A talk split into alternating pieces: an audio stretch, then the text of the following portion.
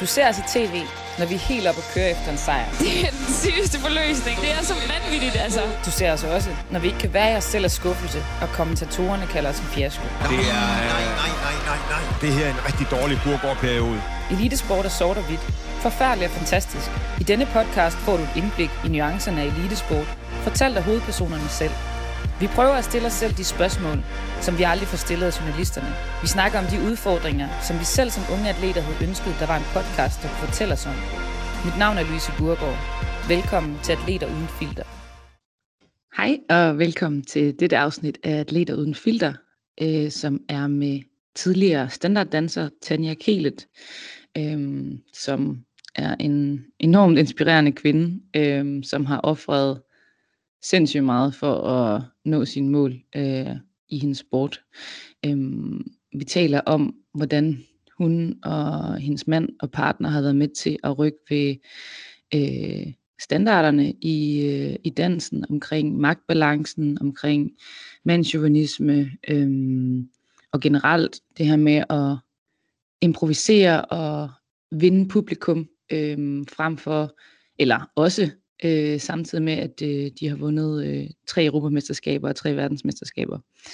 Øhm, så taler vi også om hele Tanjas opvækst, øh, hvor hun som 16-årig tager til Italien og øh, bliver der i 17 år øh, og øh, arbejder øh, nærmest sig selv ihjel, samtidig med, at, øh, at hun danser og, og ja, kan roligt sige, at øh, hun har hun har levet dans øh, i så mange år, og underviser også nu. Øhm, så dans er hendes liv.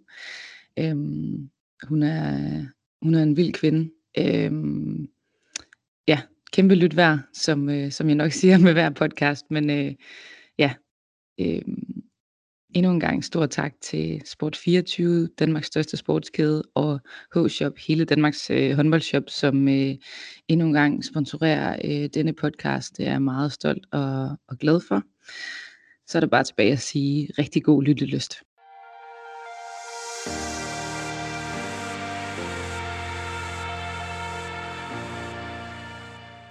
Velkommen tilbage til Atleter Uden Filter, øh, sæson 2. Og øh, velkommen til dig, Tanja Kælet. Øh, tak.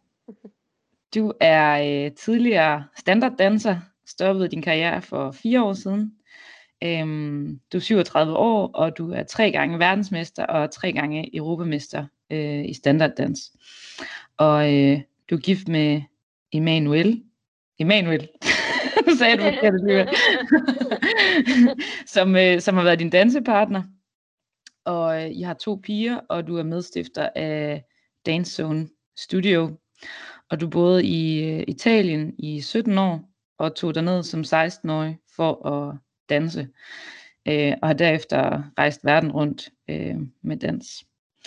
Og øh, ja, noget af det, vi skal tale om i dag, er, at øh, hvad du og I har offret øh, gennem jeres sport, og hvordan I har fundet jeres egen vej til at blive de bedste, øh, og hvordan du har udviklet dig gennem det, og øh, hvordan I har sat jeres aftryk på sporten. Fordi det er jo det, som jeg tror, vi så mange atleter tænker over, når vi engang skal stoppe vores karriere, bliver vi husket, og hvad bliver vi husket for, og var vi med til at ændre eller revolutionere noget? Og det kan man sige, at i den grad I har, det kommer vi ind på senere. Øhm, men i hvert fald mange tak, fordi du har lyst til at være med. Jeg har hørt mange gange, at du er mega sej, så jeg er så glad for, at du gider være med.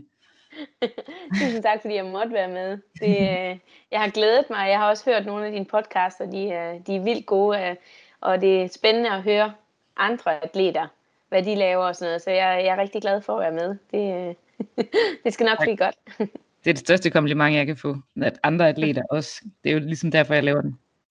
Ja, men det er det. Øhm, vi plejer jo at starte med, at øh, du har taget et billede af din atletkrop, og øh, jeg grinede rigtig meget. Du sendte mig to billeder. øh, et af din fod, og så et af, eller du kunne ikke sende et billede af din lyske.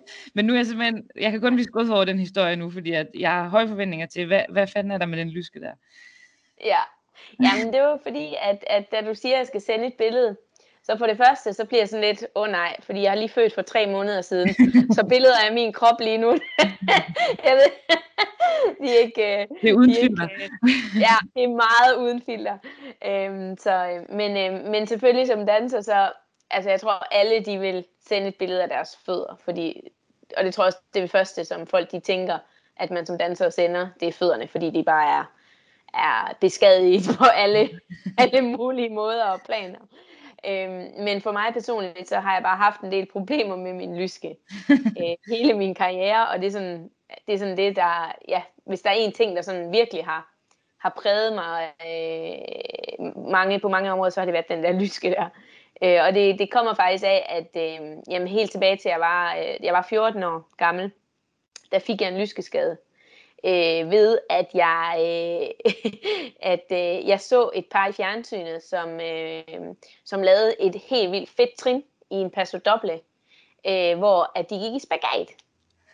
Og, øh, og jeg havde øvet mig på at gå i spagat, og jeg kunne næsten gå i spagat. Øh, men kun næsten. Men øh, jeg synes, trinet det var så fedt, så vi valgte at, øh, at sætte det ind til DM, som lå 14 dage før VM for ynglinge.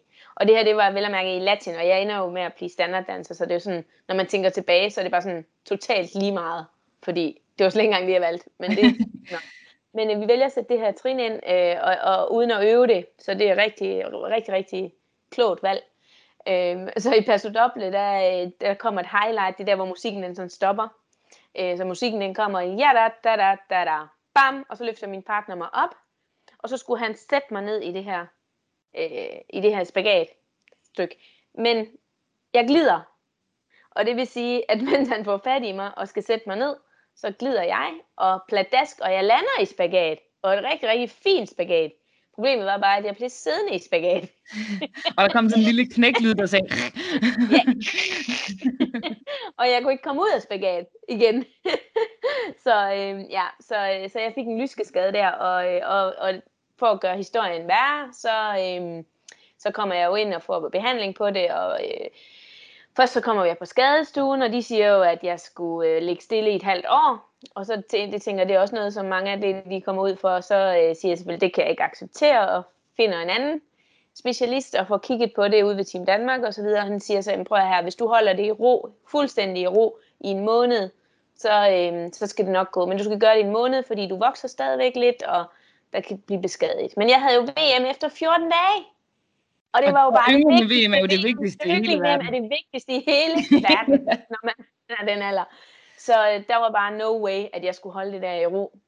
Så jeg tog selvfølgelig afsted til det her møg-VM, og, som var fuldstændig ubetydeligt. Øh, og beskadede jeg jo selvfølgelig som min lyske, og får en kronisk øh, skade, som jeg så har levet med hele, hele min karriere.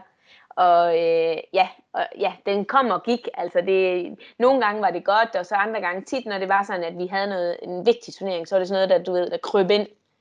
Øhm, Ja, og, og nogle gange, jeg kan huske til en, en, en stor turnering, vi havde German Open, hvor vi skulle, øh, hvor, hvor den kom op lige før, at vi skulle, øh, vi skulle derned. Og jeg fik behandling for det, og, øh, og, og det var sådan okay. Og så under turneringen, så øh, fik jeg akupunktur efter hver eneste runde.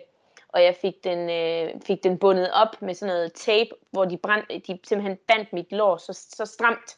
Så tapen gjorde mere ondt end lyskeskaden. øhm, ja, det var det. Og det var faktisk en, lidt sjovt, fordi vi på et tidspunkt, hvor vi ligger to, hvor jeg har den her lyskeskade, så, øhm, så, så kan jeg slet ikke øh, vinervals. Det ved jeg ikke, om du kender den dans, men vinervals, det er som, hvor vi rundt og rundt, og du, hele, du er faktisk hele tiden mellem benene. Og det vil sige, at du bruger hele tiden indersiden. Og den kunne jeg slet ikke danse den dag, altså fordi det gjorde bare så ondt. Så under hele turneringen, øh, der valgte vi at sige, okay, så fokuserer vi bare på tango, fordi der skulle man sådan flytte sig fra fod til fod på en anden måde, så jeg aldrig var sådan splittet imellem mellem benene. Mm-hmm. Øhm, og i Wienervals, der var det bare sådan, altså vi, vi fakede den hele vejen igennem, altså det var bare, altså vi kunne slet ikke flytte os. Øh, og den turnering, der vandt vi faktisk tangoen, øh, fordi at vores fokus den flyttede sig så meget. Det var første gang, det var faktisk første gang, vi vandt tangoen. Øh, så på grund af, altså nogle gange kan, kan skade også øh, gør, at, at, at ens prioriteter ændrer sig lidt, og faktisk ender ud med at være noget positivt. Øhm, så, øh, men ja, jeg fik styr på den til sidst, men øh, ja, det har sådan været noget, jeg har kæmpet med hele, hele min karriere, og, det, og stadigvæk i dag er det, er det sådan, at hvis jeg ikke får varmet ordentligt op, altså så kan jeg mærke det. Altså jeg får, det gør ikke ondt mere, men jeg kan sådan mærke, at den kryber ind. Altså det tror jeg, at folk, der har haft sådan en skade, de ved, man ved bare, at der skal ingenting til, så hårene på ærmene, de, de løfter sig, fordi man kan bare mærke, åh, nu, nu kommer det. Og så, Ej, det er vildt, øh, ja. at øh, ja. en her bevægelse i ungdommens øh, gå på mod, den, øh, den gjorde, at... Et øh, møgsbagat, som men igen, det er jo det der med, alle havde jo sagt, du skal lige øve det lidt mere, men de der sidste centimeter, når man er 14 år gammel, så tænker man, dem kan man da bare lige tage på tyngdekraften. Men altså, jeg vil bare gerne vide, du siger jo det her med, i, i, i den, der skal man jo holde masken, uanset hvad, og bare smile. Hvordan, ja. hvordan kørte du den hjem? Jamen, ja, det, øh, altså, jeg smilte, men jeg kunne ikke komme op jo. Så kan du smile jeg må stoppe mig mig. men, øh, men ja, jo, jeg forsøgte at smile, fordi det er man bare så vant til. Altså lige meget hvor ondt det gør, så er vi jo vant til, at det, det er sådan, man gør. Så jeg fakede jo til at kunne, og så, øh, ja, jeg så ligesom skulle have, have nogen til at løfte mig op, så var der ikke så meget fake mere jo. Men, øh, men ja, det gør man jo. Det gør man jo ved også. Det er vi bare vant til, det der med at Nej, det er så vildt. I, vor, altså, I vores sport handler det jo nærmest om, at du får det til at se mest voldsomt ud, og faktisk altså, nærmest overdrive din smerte, sådan at dommeren ligesom giver dig ja. noget. Så det er den helt omvendte verden. Vi skal... Ja, ja skal det, det duer ikke ved os. Det duer ikke ved os.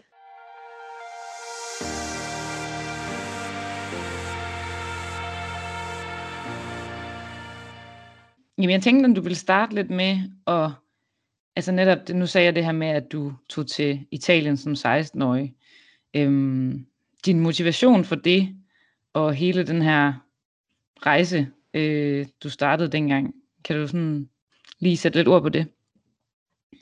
Ja, det kan jeg godt. Øhm, altså det, det kom egentlig af, at jeg havde danset med en, en øh, dansk dreng i hele, mit, hele min barndom faktisk. Altså, der er mange inden for dansesport, der, der skifter partner ofte, og det havde jeg ikke. Altså jeg havde den samme partner, fra jeg startede til, ja, hele vejen op.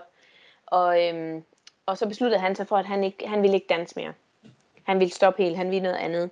Og vi, øh, på det tidspunkt, så havde vi vundet øh, ja, næsten alt øh, i, øh, i ungdomsrækkerne, og, og vi var faktisk også lige blevet dansk mester som voksen øh, i 10 dans på det tidspunkt. Øhm, så der var ikke rigtig nogen drenge, som øh, var på det niveau øh, på det tidspunkt. Så jeg stod mellem valget enten at skulle træne en op, altså tage en, der var på et lavere niveau, så træne en op, eller så var jeg nødt til at kigge til udlandet. Og øh, ja, jeg havde ikke tid til øh, at, at træne en op, fordi jeg ville jo bare videre. Øh, så, øh, og så blev jeg ringet op af en, en træner, øh, øh, som øh, en italiensk træner, som havde været op på vores Team Danmark samlinger, som havde trænet os sådan en gang imellem på Team Danmark samlinger. Og han ringer mig op, og så siger han, øh, prøv at høre Sanja, øh, jeg, har, jeg har det rigtige match til dig, men du skal komme til Italien. Øh, ved du det? Og, øh, og der var jeg faktisk meget i tvivl. Det var ikke sådan, at jeg sagde ja med det samme. Øh, det gjorde jeg, først så sagde jeg ja, og så blev jeg mega meget i tvivl. Altså var sådan lidt, ej det kan jeg ikke, og jeg var lige startet på HHX, øh, gik på første år, og ja, var ikke så gammel og sådan noget, så, så jeg ville rigtig gerne, men jeg var også mega, det var også sådan mega stort skridt at tage. Så det var faktisk min mor, der endte med at sige, øh, prøv her, jeg synes du skal gøre det, og det at hun, hun gjorde det, det gav mig sådan lidt en accept af, okay, jamen, så kan jeg altså godt, hvis, hvis, hvis hun siger det, så, så kan jeg godt, fordi på en eller anden måde, så tror jeg også, jeg havde dårlig samvittighed måske over for familien, og du ved, faktisk fra dem, og det var bare en anden tid også, altså nu lyder jeg el gammel, men det var bare en anden tid, fordi der var ikke FaceTime, og øh, ja, man kunne ikke bare lige ringe, altså da jeg flyttede til, da jeg flyttede til, den lyder virkelig, nu lyder det som om jeg er 80. Nej, men du er jo en, en, en ældre sportskvinde. ja. altså jeg, jeg er 28, og jeg bliver allerede betegnet som en af de gamle, så ja, okay, Jamen, så er jeg mormor. ja, nej, men, øh, ja, men da jeg flyttede ned, altså det var jo sådan, at vi havde jo telefonkort, og så flyttede jeg jo til Italien, jeg flyttede jo ikke til, til Norge, altså, og Italien var jo lidt et uland øh, på mange områder, øhm, så, så ja, det var jo sådan noget med telefonkort, og jeg, hvor man købte for 100 kroner kunne man købe 100 minutter, og så kunne man ringe, ringe hjem med det. Altså, der var ikke noget med video eller noget som helst. Så man var lidt, det var et stort skridt dengang, det var det. Øhm, der var heller ikke nogen Ryanair, så det var ikke sådan, man lige kunne flyve. Altså, det kostede, det kostede måske en 5.000 eller sådan noget at flyve derned og hjem. Så, så, så, og min familie, var, det var ikke sådan, de bare sagde, okay, så, hvis du savner os, så kommer du bare lige hjem en weekend. Altså, sådan var det ikke. Altså, det var sådan, hvis du rejser derned, så ses vi til sommer. ja. Ja, det må jeg så, altså sige, at er rimelig sejt af din mor. Altså, min mor havde svært ja. ved, at jeg som 17-årig flyttede til Holstebro. Der var halvanden time væk fra Vejle. Så ja. det, at din mor ligesom bare siger, det gør du bare, eller det synes jeg, du skal, ja. det synes jeg er ret sejt. Ja, men, og hun har så senere fortalt mig, at det var fordi, at altså, hun, hun, hun led rigtig meget med det, og hun stortudet helt vildt. Men det hun sagde, det var, at hun vidste, hvor meget jeg ville det, og hun vidste, at det var det, jeg gerne ville. Men hun vidste, at også, at jeg ikke kunne tage beslutningen uden... Mm. Ja, hun vidste, at jeg kunne ikke, lige, jeg kunne ikke tage det sidste skridt, hvis hun ikke ligesom øh, sagde, at, at det, det var det rigtige. Ja. Og det havde hun ret i. Altså, der, der var jeg bare stadigvæk så ung, så ja, og, og det var også, jeg så mig jo aldrig tilbage. Altså fra den dag, at jeg gjorde det, jeg tog, så, så var det bare sådan, det var. Og så, og så kørte bussen bare. Øhm, så, så det var det helt rigtige. Men det var så en anden dreng, jeg, dansede, jeg tog til Italien for at danse med. Så ja. dansede jeg med ham i et halvt år, og så var det, jeg skiftede over til, til Emanuel. Og hvordan var det, var med det? Det var sådan noget med, at først, og så, du ville egentlig ikke have, at I skulle være kærester, og så, fordi Ej. det skulle ødelægge jeres samarbejde, eller hvordan var det, det var? Ja, altså for, jeg var jo bare, altså for mig, der var det bare en vej, og det var fremad. Altså, og det var dans, dans, dans, dans, dans, 24-7, altså. Og det der med at have kærester og sådan noget, det var bare ikke, øh, det var der bare ikke plads til for mig. Altså, og det var heller ikke noget, jeg ønskede, altså. Fordi der var ikke plads i mit hoved, og der var ikke plads i min kalender. Øhm, og, og, øh, og så havde jeg også haft det lille problem, at den første italienske, den dreng, jeg startede med dernede, at han, øh, han gik rundt og blev lidt småforelsket i mig, og det blev, det blev et problem til sidst. Øhm, så den lille bitte smule, jeg havde været oplevet, det var bare sådan, det der, det skal jeg bare slet ikke. Og da jeg så starter med Emanuel, så vi, vi fik jo succes med det samme. Altså vi, øh, vi, vi, vi, var, vi passede bare så godt sammen, så, så vi kunne bare mærke med det samme, at det her, det var bare rigtigt. Så jeg var simpelthen så giga bange for at miste det, vi havde. Så det var bare sådan, altså, jeg turde knap nok kigge ham i øjnene mere end to sekunder, fordi han skulle endelig ikke tro noget. Hvor han var jo meget mere, han var jo bare klar. Altså han synes jo bare, det var da bare pakke løsningen, det der. han kunne få det hele på samme tid. Men du sagde også det her med, at I jo faktisk ikke, altså du snakker jo dansk, og han snakker italiensk, og ja. altså, så I skulle kun kommunikere gennem jeres kropssprog. Altså hvordan fungerede det i starten? Og også i forhold til, at I så skulle blive kærester, altså Ja, Altså det fungerede mega godt. det var bare no talking. Jeg tror, ja, altså jeg tror faktisk, at det var en kæmpe, en stor del af vores succes til at starte med. Fordi vi var i den alder, altså vi var så unge, at i den der alder, hvor man måske nogle gange tror, man ved en masse, men det gør man ikke. Så nogle gange kan det godt blive til en masse snak, øh, om noget, man egentlig ikke ved noget om. Hvor det bare måske er bedre nogle gange at bare køre, altså bare træne, og bare danse, og bare ja, gøre en masse med kroppen, og mindre med munden. Øhm, og, øh, og det var det, vi gjorde, fordi vi kunne ikke snakke sammen, for han snakkede ikke et ord i, i øh, hvad hedder det, engelsk. Jeg øh, havde været i Italien et halvt år, fordi jeg dansede med ham den anden, så jeg havde sådan lært fem ord på italiensk. Så det, vi snakkede sammen, det var på italiensk, men det var meget, meget begrænset. Så, så det var sådan tit, når der var noget, der var rigtig vigtigt, så forsøgte man med kropssprog og sådan at få det sagt. Men små ting i træningen, altså øh, bagateller, det, det, det, det orkede man bare slet ikke at skulle forklare, fordi det var alt for svært, så så holdt man bare sin mund, og så dansede vi bare. Øh, og det fungerede rigtig, rigtig godt, indtil vi så indtil vi, jeg så snakkede nok italiensk til, at vi så kunne kommunikere, og så tog vi nogle ordentlige ture, fordi så mødte vi det problem, at, at kommunikationen ikke var fantastisk. Altså det, og det var svært at, altså det er faktisk rigtig svært, og det har du sikkert prøvet, Louise, at, at skændes på et fremmedsprog.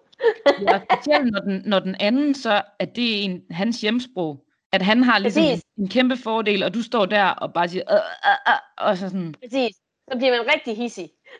jeg prøvede, jeg spille en træningskamp forleden, hvor det var, at jeg altså jeg appellerede noget til dommeren, at jeg, jeg var ikke enig, og så sagde han sådan, altså på fransen, ja okay, men hvad vil du sige? Og så var jeg bare sådan, øh, okay. altså jeg, jeg, jeg, jeg kunne slet ikke få ordene frem, fordi jeg var så hissig, at, jamen, nå, så vandt han bare. Ja, ja. ja det er mega frustrerende. Ja. Det er mega frustrerende. Og så bliver man endnu mere hissig, altså, hvis, når, det, altså, når man står i det. Så det ja, og det var vi ude for rigtig mange gange. Men, øh, men til at starte med, der, der kørte det bare. Det gjorde det. det øh, og det, det med at så blive kæreste, jamen, altså, det kan en italiensk mand jo godt finde ud af uden at snakke. Altså, det var jo bare, han kom jo med små gaver, og altså, jeg kan huske, vi havde danset sammen en måned eller sådan noget, der havde jeg fødselsdag. Og til, i, i min fødselsdagsgave, der fik jeg sådan nogle små hjerte guldøreringe.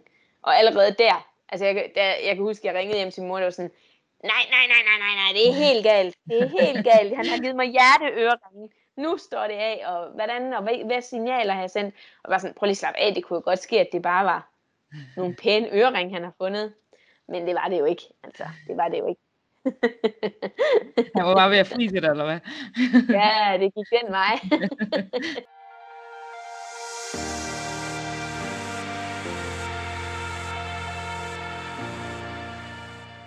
hvad hedder det? Øhm, altså, jeres hverdag dernede, altså du Altså, fordi du tjente jo ikke penge på det her tidspunkt til at danse. Hvordan, hvordan fik du hverdagen til at hænge sammen?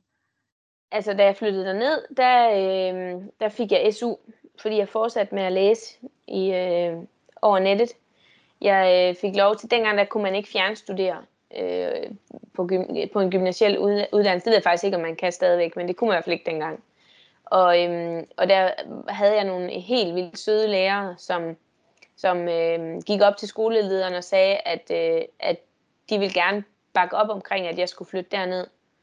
Øhm, og så tog de ansvaret for hver morgen at sende mig opgaver på mail, som jeg så skulle øh, besvare. Og så når jeg så var hjemme i Danmark, så skulle jeg så have ekstra undervisning og test og, og sådan noget.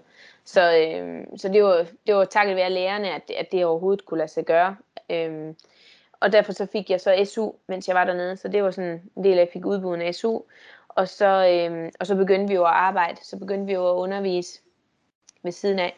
Og øh, ja, alt muligt. Vi var også, når vi så var i Danmark, så, så arbejdede jeg arbejdede lidt som tjener, og Emanuel arbejdede lidt som øh, hvad hedder det, opvasker. Øhm, det, det var sådan lidt, hvor vi kunne få nogle penge, det, det gjorde vi. Altså det, øh, men, men det meste af dagen var jo træning, så det var sådan alt, hvad vi kunne hvad vi kunne få ved siden af.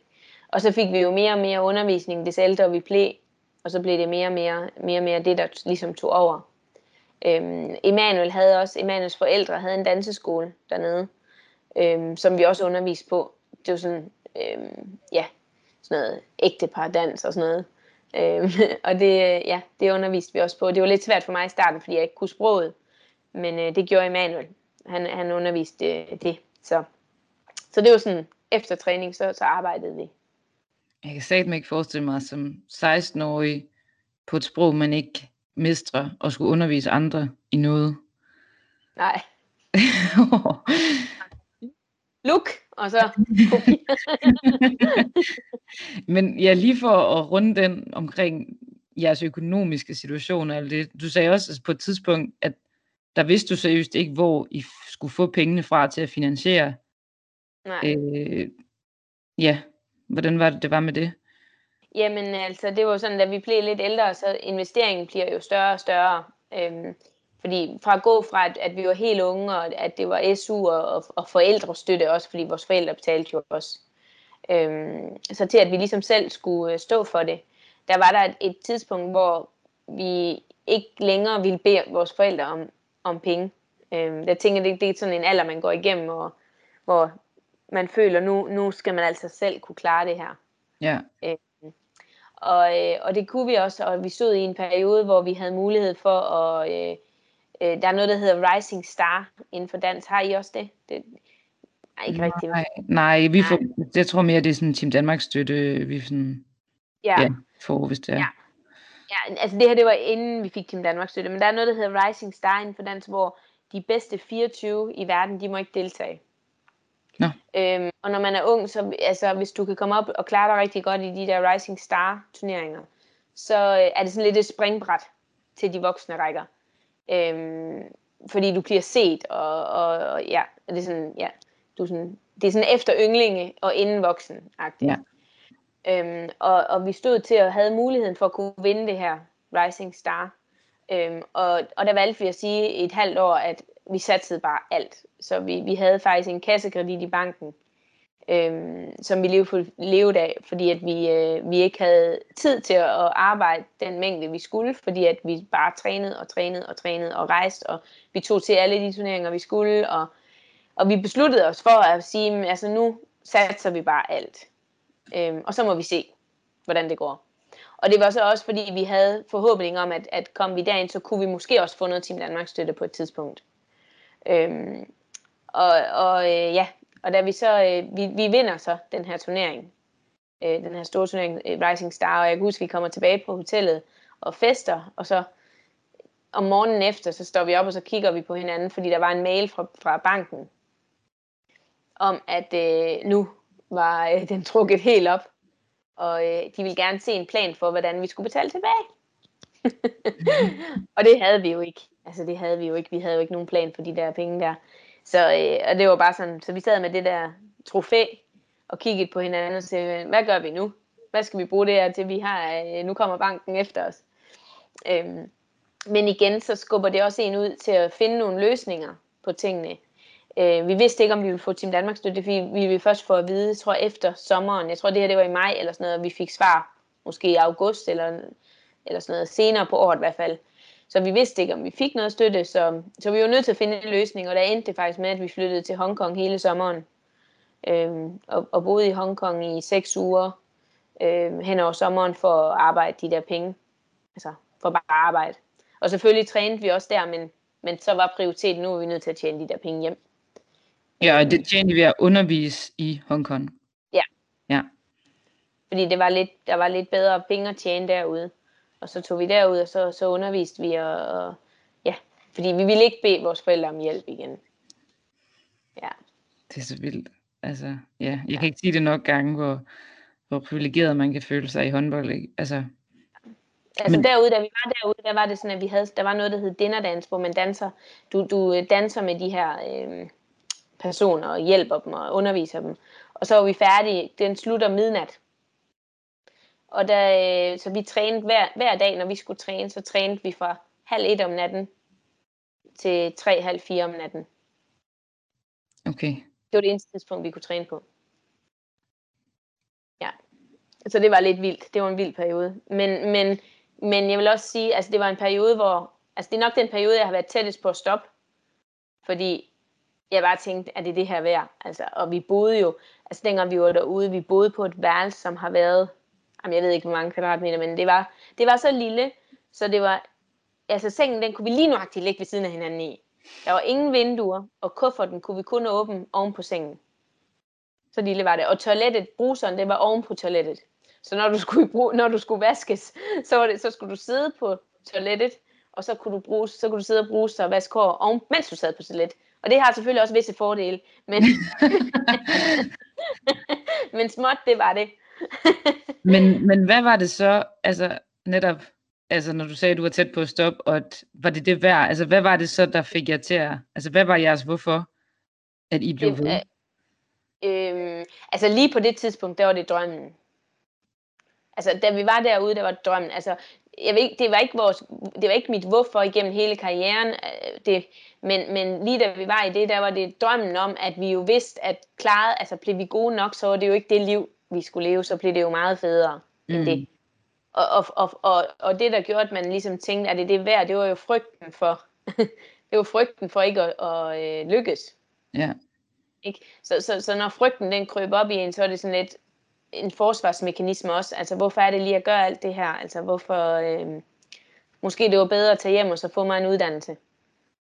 Øh, men, men, øh, men drømmen var jo bare stærk nok, fordi vi havde jo lige vi, vi havde jo lige fået et godt resultat også, og, og vi vidste jo, at altså, det, det måske kunne lade sig gøre, og håbet, håbet var der, at, at det kunne lade sig gøre. Så vi, øh, det holdt vi jo fast i, og, og det er jo også det, der gjorde, at vi hver dag tog op og trænede. Altså, og, og jeg kan huske, at vi var derude sammen med nogle andre af vores konkurrenter, som også var taget derud også nogen, som havde slået os, og nogen, der lå højere op i voksenrækkerne og sådan noget. Og der kan jeg huske, hvordan de øh, nogle gange, når de, de havde tjent lidt, lidt penge, så tog de ud på en bar og, og drak lidt og, og hyggede sig, og, og nogen købte også noget, lidt tøj eller et eller andet. Og der, der var vi sådan helt modsat. Altså vi var sådan, gør I bare det. Det hygge jer. Vi putter vores i lommen, fordi vi skal bruge dem på de næste ene timer. Vores, de skal geninvesteres i dansen, fordi det er det, vi vil. Og, øh, og, og vi brugte alt, altså alt, hvad vi tjente, det blev brugt igen på dansen. Det var, der var ikke noget, vi brugte ingen penge på noget andet. Øh, vi levede af cup noodles, og ja. Så, så, og, og der var vi sådan helt ekstremt målrettet, og, og jeg vil tro, at, at den periode, den var vildt hård, men den var også, altså, den gør også, at man så, når man begynder, det begynder at gå bedre, øhm, altså, så, så er man bare lykkelig, og man tænker bare, okay, det er bare fedt. Altså, man er taknemmelig også for, for ja, kunne træne før midnat. ja, og, og det, må, det må også være sådan at sætte pris på at tænke, at vi klarede os gennem det sammen, ja. og stod, står her nu. Men jeg tænker sådan, altså har I altid været på bølgelængde, dig og øh, Emanuel? Altså i forhold til, altså hvis der er nogen på mit hold, der gerne vil noget andet, eller øh, vil drosle ned, eller altså så skifter de jo klub. Altså når I har et partnerskab, der er så, I er så afhængige af hinanden, og I så oven i købet er, er ægte folk, altså sådan, det må være så svært, hvis en af, af jer så vil have sagt sådan, jeg, jeg vil ikke mere, eller, eller jeg vil gerne drosle ned, eller det her det er nok for mig. Har I altid været på præcis samme målrettethed? Ja, det tror jeg faktisk. Altså, vi har, altså, vi har ikke altid været på samme øh, bølgelængde. Det er noget helt andet. okay, i forhold til hvad? Jamen, i forhold til at skændes og diskutere og sådan noget, det, det, det har vi ikke, men, men vi har altid været på samme, øh, altså, jeg kan huske, at inden jeg startede med Emanuel, der, øh, der sagde en af de træner, jeg havde i Danmark, sagde, prøv at høre, Tanja, det kan godt ske, at du også skal slappe lidt mere af. Det kan godt ske, at du, øh, at, at hvis du skal have en partner, at du også er nødt til nogle gange at, øh, og også kunne tage biografen og lave noget andet. Øhm, fordi der er ikke nogen, der gider at træne så meget som dig. Og så mødte jeg Emanuel. og, øh, og han var min overmand. Han var min overmand, virkelig meget. Øhm, så vi var på samme bølgelænding, og, det, og jeg tror, det var en kæmpe styrke, eller det var det, fordi at hvis jeg havde, selvfølgelig havde jeg, havde vi, havde jeg en, en øvedag en gang imellem, men så var han sådan, ej, kom nu, vi tager bare lige en time, eller vi tager bare lige, og bare lige går lidt igennem og sådan noget. Og hvis han havde en øvedag, så gjorde jeg det. Så, så, så vi var sådan, altså begge to helt ekstremt øh, målrettet. Det var vi godt nok. Så, så når det var, at, at vi ligesom var deprimerede, så var det mere det der med, øh, at vi øh, var bange, tror jeg. Vi var bange, når man var bange for ikke at nå det, man gerne ville. Ja. Ja. Men altså nu taler jeg jo om vores, altså det her det er jo vores unge dage, mens ja, vi kom ja. op. Ja. Øh. Men det er faktisk vildt nok, altså nu skal vi jo ikke skøre alle sydeuropæere over en kamp, øh, og vi træner ja. også altså pisse hårdt hernede i Frankrig. Øhm, men, men jeg har alligevel en opfattelse af, at sydeuropæere, altså franskmænd og italienere og sådan noget, er lidt mere savar og tranquil, og vi skal også lige øh, slappe af og have siesta, og øh, lige tage en, en, et glas vin i skyggen. Altså sådan, og der lyder det som om, Manuel har bare har været fuldstændig uden for kategori der. Ja, det var han også. Det var okay. han. Han, han, øh, han, så, og sådan er det også i Italien normalt. Men, øh, men det var han ikke. Altså han, Emanuel, han er helt ekstremt perfektionistisk okay. med alting. Så det, for ham var det meget det der igen, igen, igen, igen. og det var til indtil man lige ved at skyde sig selv. Øhm, ja. øhm, han kunne blive ved og ved og ved og ved. Øhm, så, så, så der er han meget anderledes end, end, øh, end de fleste. Det, det er der ingen tvivl om. Og hvor længe holdt I så den der pace med at træne så meget og ofre så meget? Altså, sådan... altså det her, det var jo kun de der seks uger, vi så var i Hongkong, at vi ja. kørte, på, kørte på den måde der. Så kom vi jo hjem igen. Øhm, og, og så var det jo stadigvæk, det var jo stadigvæk hårdt, men ikke, ikke så hårdt. Altså, det her, mm. det var nok noget af det mest ekstreme, jeg har været med til. Øhm, og øh, ja, Øh, også, for, også altså senere hen, da vi blev ældre og sådan noget, fik mere succes, så øh, fik vi en masse, altså vi fik faktisk en masse invitationer på grund af den periode, at fra folk, som har set os i den periode, og som, som var i, altså som, som så os for eksempel i Hongkong, som oplevede det.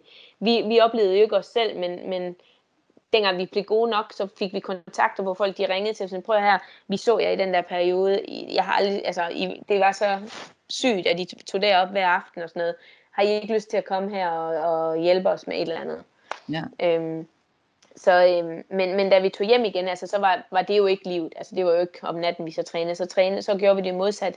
Der trænede vi om, om formiddagen, og så, øhm, og så arbejdede vi om eftermiddagen. Øhm, og så med årene, så, så svingede det jo lidt, fordi mm, da vi var unge, så handlede det jo meget om at få arbejde. Øh, og det der med, at, at altså, det var jo ikke givet, at, at vi havde arbejde.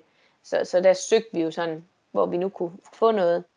Øhm, og så øh, var det tit faktisk, at vi havde arbejdet også i Danmark, øhm, fordi vi jo repræsenterede Danmark, så, så vi, vi, vi havde lidt mere undervisning i Danmark også. Øhm, og så endte det mere og mere ud med, at vi så, når vi var i Danmark, så arbejdede vi med, med undervisningen meget, og når vi så tog tilbage til Italien, så underviste vi også, men så var det lidt mere fokus også på dansen og så videre. Ja. Øhm, og så begyndte det jo bare at blive mere og mere danseundervisning, og det var jo for os, selvom det stadigvæk måske er mange timer, så var det for os federe at arbejde, fordi det var det, vi gerne ville. Altså i forhold til at stå og vaske, vaske op. Mm. Ikke? Altså. så, øhm, så, så ja, så det er sådan, det var sådan den, de der år, der, der blev det jo, ja, fik vi jo mere og mere. Mm. Men hvad med alt det her, altså sådan, nu er vi også begyndt at snakke meget, der kommer mere og mere fokus på atleters mentale sundhed og dual career og det hele menneske og altså og jeg har selv været øh, føler i fælden, hvor jeg også har altså du har også fortalt mig at du også var besat og der kunne bare ikke være nok træning. Altså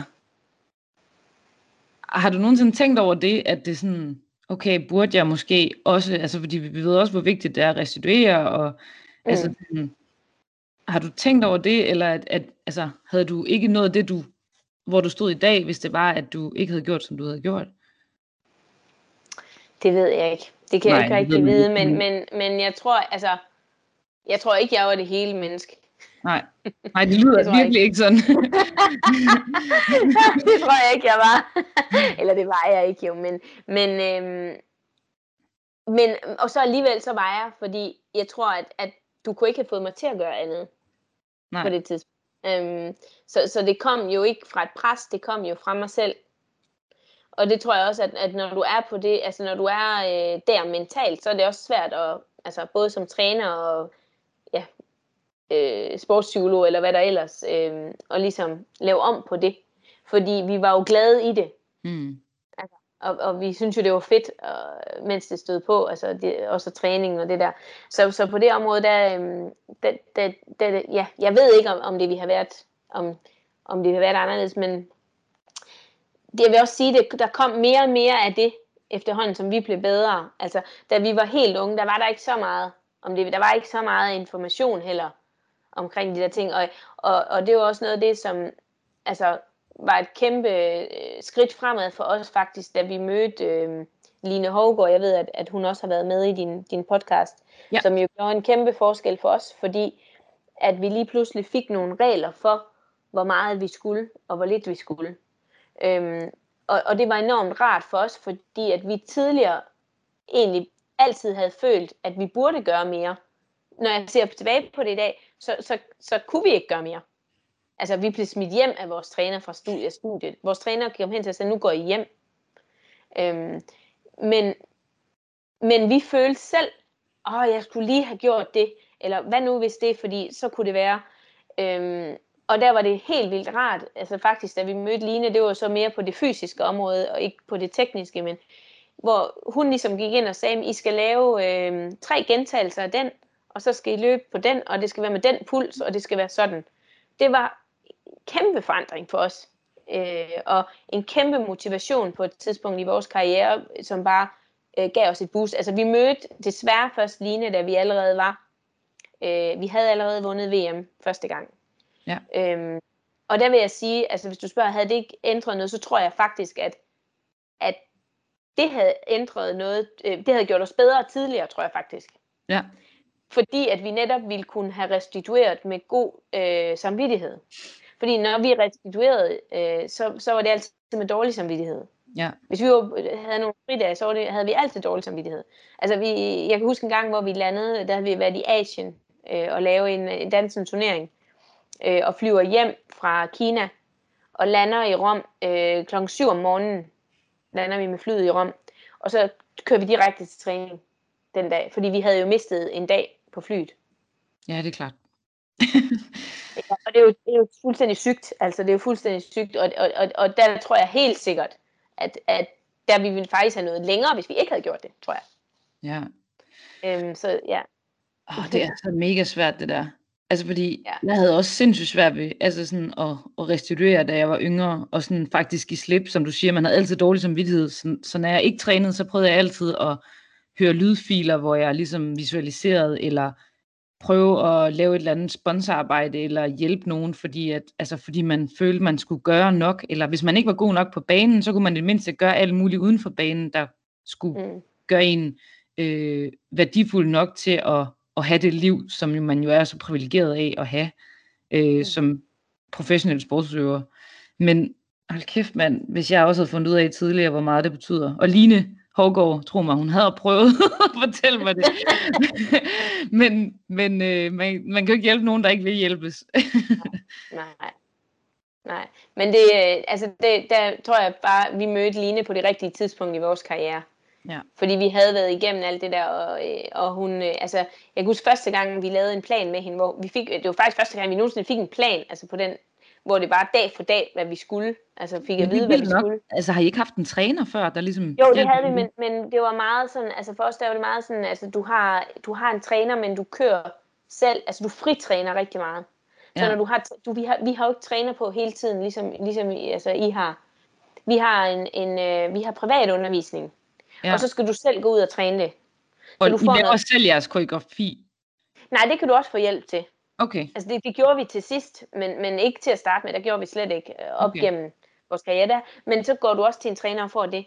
Altså så går jeg til en træner, og så betaler jeg penge for øh, at få privatundervisning ved den træner. Og der kan du så mixe forskellige afhængig af, hvil- hvilke type koreografi Ja, du vil okay. have og så videre. Og så får du dit øh, koreografi, og så kan jeg gå til en anden træner og få øh, fodarbejde. Jeg kan gå til en tredje træner og få øh, øh, musika, mu, musikforståelse. Det, der, der går du sådan rundt, og så får, får du det. Og så har du selvfølgelig en træner, som der er tæt på dig. Altså Ja. en coach, det havde vi selvfølgelig, som hjælper dig med at sætte tingene sammen, og som ligesom har overblikket. Men, men derfor er det stadigvæk, har du stadigvæk med den coach, har du måske noget holdtræning, måske en, maks to gange om ugen.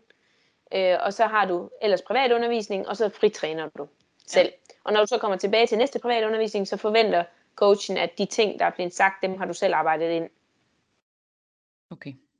Så det er ikke sådan, at træneren siger, nu skal I træne en time på det her. Okay. Det er op til dig, hvor lang tid du tror, du skal træne på det. Og så, altså, selvfølgelig kan vores, kunne vores træner godt komme og sige, øh, og jeg har da også haft undervist nogen, hvor jeg siger, prøv her, det kunne, I skal træne noget mere. I skal altså lige træne noget mere, det er ikke nok. Mm. Øh, eller modsat. Men, men de styrer det ikke sådan, altså hvor, hvor Lines øh, fysisk træner, hun lavede jo et program til os også med fridage. Altså, Ja. ja. hvor vi fik at vide, her skal I holde fri, her skal I... Og, og, og det, den første fridag, jeg har nyt, det var efter Line, hun kom og sagde, her skal I holde fri. For det var første gang, at jeg, jeg tænkte, okay, det er faktisk nogle andre, der, har sagt, at jeg skal holde fri her. Så er der en grund til det. Så havde jeg ikke dårlig samvittighed. Men den der smadrede lyske og de smadrede fødder og sådan noget, tænkte de aldrig, at, eller tænkte du aldrig, at de skulle have, have noget restitution eller fri, fridag? Jo, altså selvfølgelig havde vi en fridag engang imellem, men altså det var ikke, altså hvis vi havde en fridag, så var det som regel en rejsedag. Ja, og der slapper man altså ikke særlig Og godt der af. slapper man ikke af. Og det var noget af det, Line hun jo så kom ind og sagde, at det, var- det, den talte ikke. Men, men det havde den jo gjort for os. Og jo, altså selvfølgelig kunne vi mærke det, men, men ligesom du sagde før, altså det var fuldstændig sådan, det var for os også. Altså det var, vi tænkte altid, jeg havde, på et tidspunkt så havde jeg en seddel hængende på mit spejl. Øh, på, i, på mit badeværelse, hvor der stod, øh, Did you do your maximum today? Og så havde jeg lavet en regel med mig selv, at hvis jeg ikke kunne svare ja til det, så kunne jeg lige tage en time mere ind i soveværelset. Ja. øhm, og, og hvis du spørger mig, om det var sundt, det tror jeg egentlig, det var.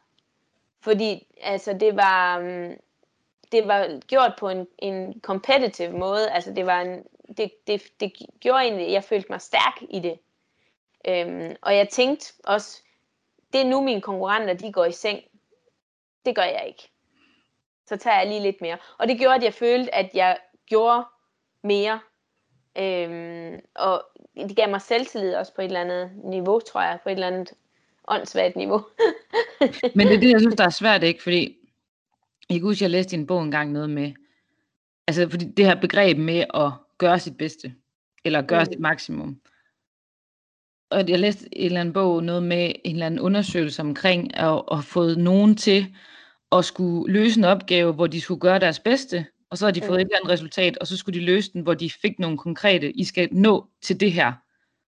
Og så, når dem, dem der skulle nå til et bestemt et eller andet, kunne jo så ofte nå længere end dem, der havde gjort sit bedste. Fordi hvad er dit bedste? Altså, og, og igen, er det dit bedste at træne 12 timer om dagen og sove 4 timer, eller er det dit bedste at træne 8 timer og sove 10 timer? Altså sådan, mm. det synes jeg, det har jeg i hvert fald haft sindssygt svært ved at sådan forstå mm. i løbet af min karriere. Altså for hvad er ens bedste? Ja, lige præcis. Og det er også, det var, og det var lige nuagtigt det, som, som øh, der ændrede sig for os, altså da Line kom ind over, det var det der med at få noget målbart. Også fordi vores sport, sport er så umålbar. Ja. Og det er jo også noget af det, der gør, at, at vi var som vi var. Det er jo det der med, det var jo umål. At det er jo ikke, altså, vi kunne ikke måle på det. Og vi kunne ikke måle, om vi, altså, vi blev bedre ud over til turneringerne. Om det gik fremad. Fra dag til dag kunne vi jo ikke måle på det.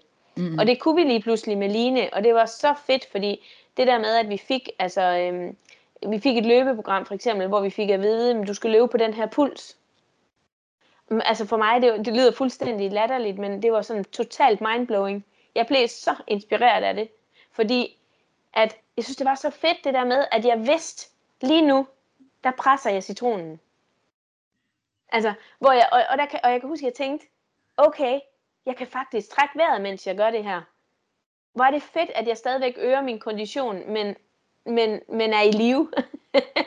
altså, hvor, hvor, og det var fordi, at tidligere vi har tænkt, at det aldrig var godt nok. Altså jeg ja. har tænkt, nej, det er også bare, er jeg træt, fordi at jeg synes, jeg er træt, mens jeg løb for eksempel, eller du ved, også fordi løb for mig var måske bare generelt lidt kedeligt. Ja, altså, ja. Jeg, jeg havde at løbe. ja, præcis. Så det var sådan, altså det der med, at jeg fik noget at måle på, altså ligesom sige, lige nu der ved jeg, at jeg forbedrer noget i mig. Det, øh, det var et helt vildt selvtidsboost for os. Øhm, og det samme også, altså jeg kan huske en gang, også det var, det var før Line, der havde vi en anden fysisk træner og sådan noget, hvor vi så havde et program, hvor jeg så jeg fik at vide, at det var med mavebøjning og core, core stability, der skulle jeg lave mavebøjning, så siger, hvor mange skal jeg lave? Men du skal bare lave lige så, lige så mange, indtil at du ikke kan mere. Og det synes jeg jo ikke, jeg kunne efter 10, så føler det jo som om, man ikke kan mere. Fordi også igen, mavebånding er også noget af det, jeg hader. øhm, så, så, der havde jeg, ja, så der havde jeg bare brug for det der med at få at vide, at du skal lave 10, og i morgen skal du lave 13, altså, øh, af den her. Øhm, og det, øh, det, det gav rigtig meget for os. Men, men det er jo meget sådan i bølger. Det, det var det i hvert fald for os. Altså, jeg ved ikke, hvordan det har været for dig, men, men den der total obsession, som jeg taler om nu, sådan var vi jo. Og, og, og det gav jo også bagslag på et tidspunkt. Og, og øhm, jeg kan huske på et tidspunkt faktisk, vi lå, vi lå nummer to i tre år i streg. Hvor vi lå nummer to, og, og Quick kom igennem, og Quick slå dem der, der lå foran os. Og, og faktisk så de to og et halvt år, hvor vi bare kørte, og vi kørte på, som jeg sagde før. Og så faktisk det sidste, den sidste periode, det var før vi mødte Line. Øhm, men der øhm, valgte vi faktisk, vi var så, så trætte af alt det her fysisk træning. Vi elskede dansen, men vi var trætte af alt det her fysisk træning. Så valgte vi faktisk at stoppe med at, at lave alle mulige øvelser ved siden af dansen. Og, og det kom så lidt af, at vi allerede lå toer, så vi ville helt vildt gerne vinde, og det forsøgte vi på som altså, vanvittigt meget, men, men vi var også allerede toer, så, så vi lå allerede op der, hvor det var sjovt. Øh, så vi havde selvtillid, og, og øh, folk, vi var mega populære, så selvom at vi ikke vandt, så var vi meget populære. Øh, og, og der valgte vi, der kan jeg faktisk huske, der var en periode, hvor vi simpelthen, nu gider vi ikke lave, altså vi, vi stoppede fuldstændig med at lave det ved siden af dansen, altså alt det fysiske ved siden af dansen. Og det var der, vi vandt vores første VM. Hvad sagde Line til det, da du fortalte det bagefter? Eller, altså, jeg ved godt, at I ikke arbejdede med hende på det tidspunkt, men... Hører hun det her? men, jeg ved ikke, om hun overhovedet ved. Men, ej, men det var, det var før, vi mødte hende. Det var før, vi mødte hende. Ja, ja, men... men og så, ej, jamen, så tror jeg igen det der med, at det går i bølger, ikke? Fordi så lavede vi jo, så lavede vi det jo slet ikke. Og, og så går der jo en periode, hvor, hvor det, som du siger før, ikke? Altså, så tror jeg måske, vi ramte den rigtige balance, fordi vi var så stærke, men måske for alt for presset. Og så ved at det ligesom æbbede lidt ud, så ramte vi lige balancen til det VM, men det var jo bare heldigt. Hvis du, vi så fortsætter med at ikke at gøre det, mm. så ryger vi under. Ja, ja, ja. Og så mødte vi Line. og så, nej, det synes jeg bare, jeg synes det er sindssygt, at I har altså blevet verdensmester så meget on your own, altså at, at øh, I har skulle, altså, skulle udregne alting selv, eller sådan stikke en finger i jorden, og sådan, okay, men hvad, altså, der er ikke en, I ikke har haft bedre øh, guidance altså fra folk, eller sådan, at I selv har skulle styre alt, og det der, du siger med, at, at det var sådan mindblowing omkring at, at få styret ens puls omkring at løbe, altså hvor det er sådan, wow, altså sådan, hvor har I bare, altså det kan jo både være en kæmpe fordel og en kæmpe ulempe, men hvor har I skulle opfinde den dybe tallerken selv? Ja, men sådan føltes det ikke. Altså, Nej. da vi var i det, sådan føltes det ikke, fordi at, at, at vi havde jo, altså vi havde jo vores trænere, øhm, som vi følte rigtig meget støtte fra. Ja. Og jeg tror bare, det er fordi, at vores sport er så meget anderledes end andre sportsgrene. Øhm, ja. Fordi vi er jo bare vant til, at det ikke er målbart. Og alene det der med at dan, altså, lave fysisk træning, hvis du tager mine trænere, de havde jo aldrig lavet fysisk træning mm-hmm. ved siden af. Altså når jeg siger fysisk træning, det er fordi vores, te- vores det er delt op i ren dansetræning, hvor vi også har fysisk træning. Og så ja.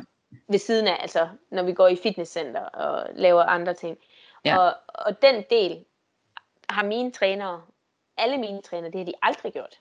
Det var, ja. det var slet ikke en del af det. Der var kun dans, der dansede du kun. Så, så allerede det, at vi bare gjorde noget ved siden af, øh, føltes jo som om vi gjorde noget ekstra. Ja. Øhm, og, og, øh, og, og vores træner, altså vi følte, at vores trænere, de, de bakkede os op, men systemet var jo bare anderledes, fordi at der var ikke, øh, der er bare ikke, øh, i vores sport, der er ikke økonomi til, at du har en træner til at stå og kigge hele tiden. Mm. Og det tror jeg også er forskellen, når du har en holdsport. Altså, I har jo en træner og mange spillere.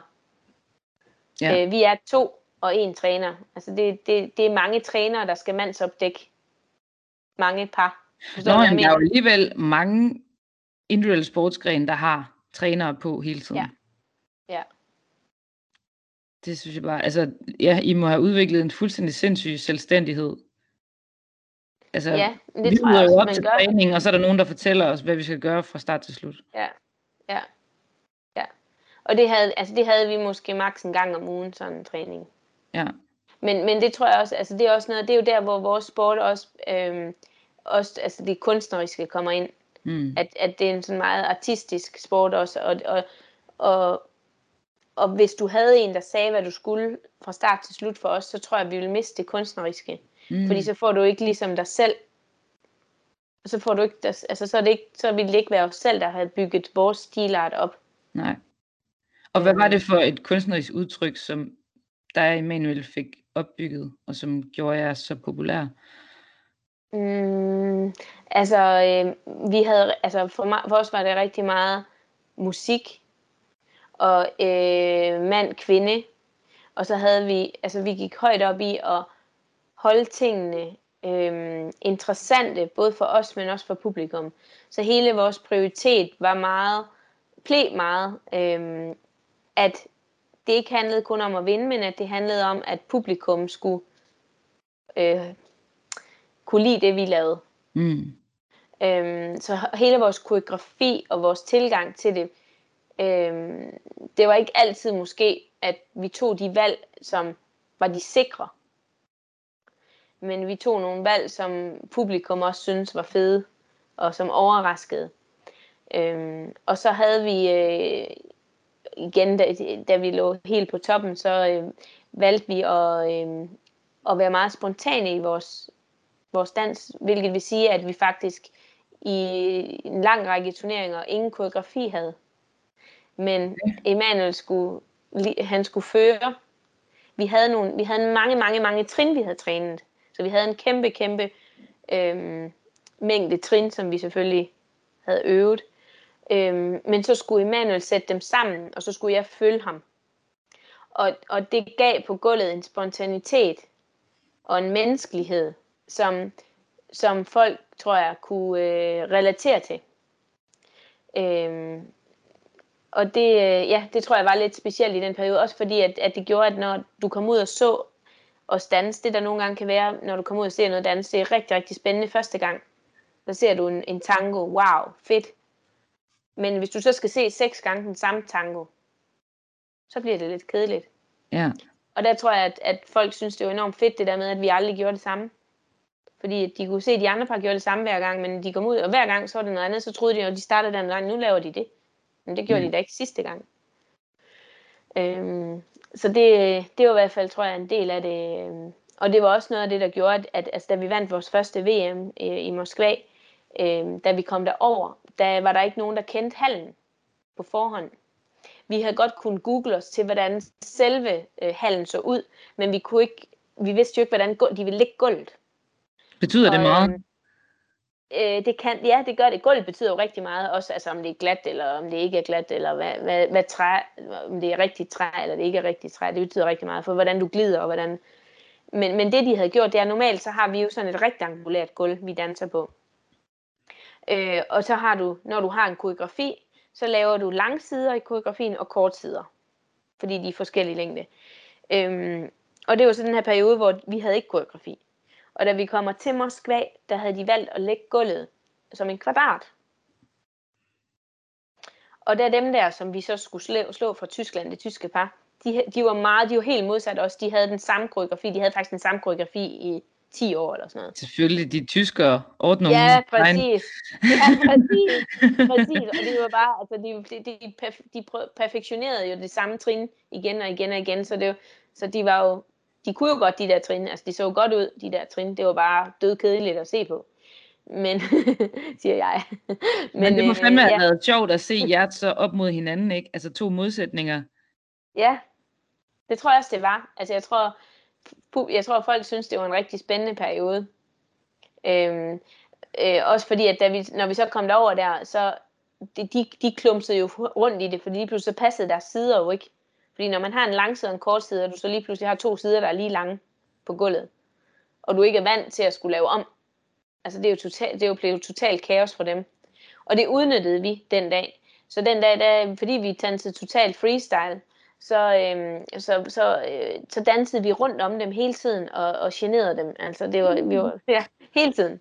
Øhm, så, så, så i sidste ende, så var det det, der gjorde, tror jeg, at vi vandt det VM. Det, det tror jeg. Så det er, ja. Det er så interessant, synes jeg, fordi det, altså, det synes jeg er, det er så meget også, altså kan jeg relatere bare til håndbold i forhold til, at altså er du, er du safe player, eller er du den kreative, og at finde balancen derimellem. Altså, vi arbejder med sådan nogle personlighedsprofiler, både på landshold, der har jeg også gået i klubber tidligere, hvor vi altid snakker om de grå, som er dem, der tænker systematisk, godt kan lide det hele, som det plejer, og så de grønne, som er de mere kreative, spontane, godt kan lide at prøve noget nyt og tage risiko. Risici.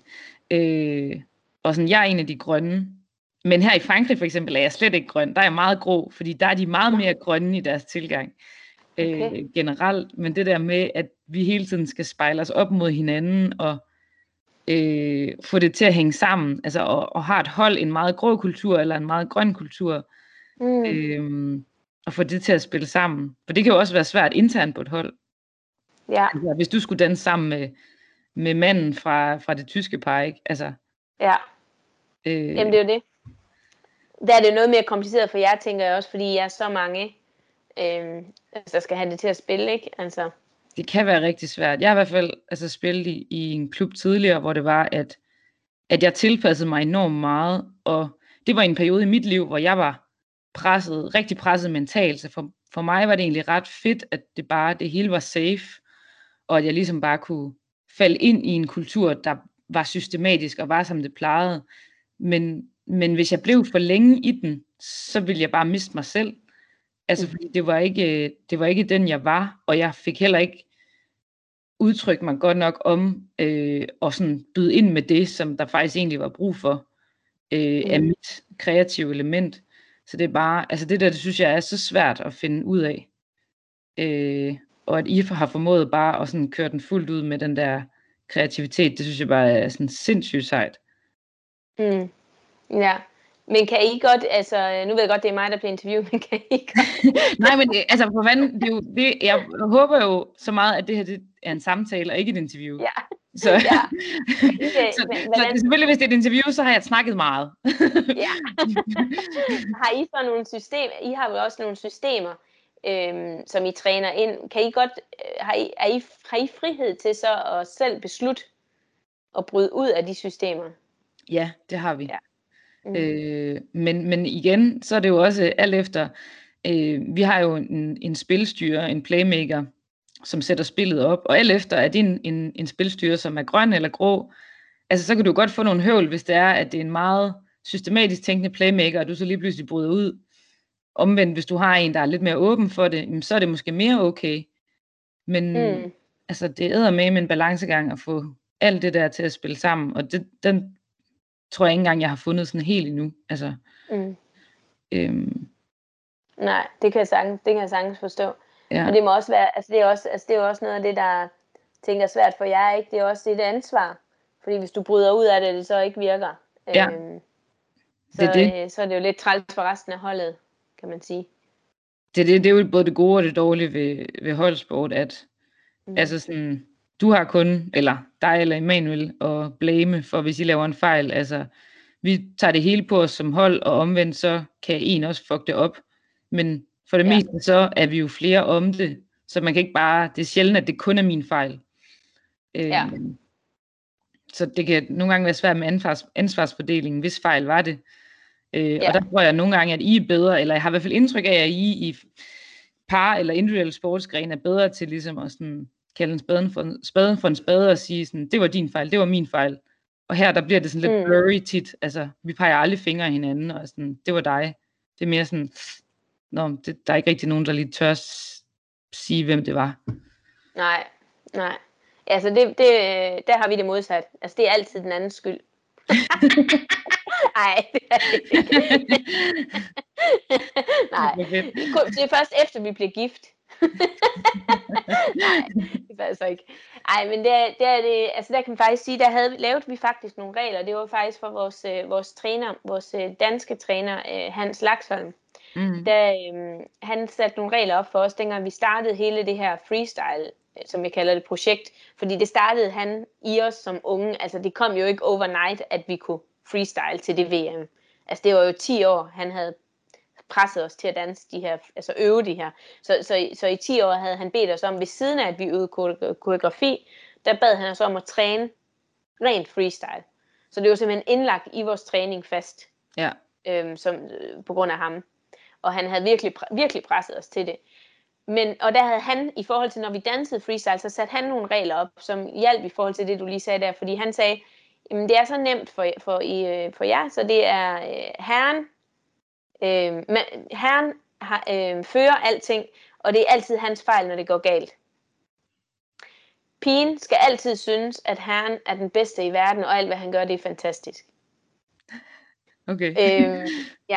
Og, og, og, og, og altså, det, det, det, sådan var det selvfølgelig ikke altid, men tankegangen, Ja. den virkede, fordi at, at herren, han ligesom, det var ham, der, sidste ende er det jo drengen, der skulle føre det. Altså det er det jo. Han, det er jo ham, der skal tage beslutningerne. Når vi står ude på gulvet, jeg kan jo ikke som, jeg kan ikke som pige tage en beslutning om at lave et andet trin.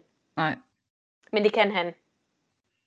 Og, og derfor så tog han ansvaret på sig, fordi det var ham, der havde, havde øh, den, altså muligheden for at tage de der beslutninger, men samtidig så må han også tage ansvaret for, at, at går det galt, så er det hans, hans skyld. Så er det ikke fordi, at jeg har lavet en fejl. Mm. Så er det fordi, han ikke har ført det godt nok.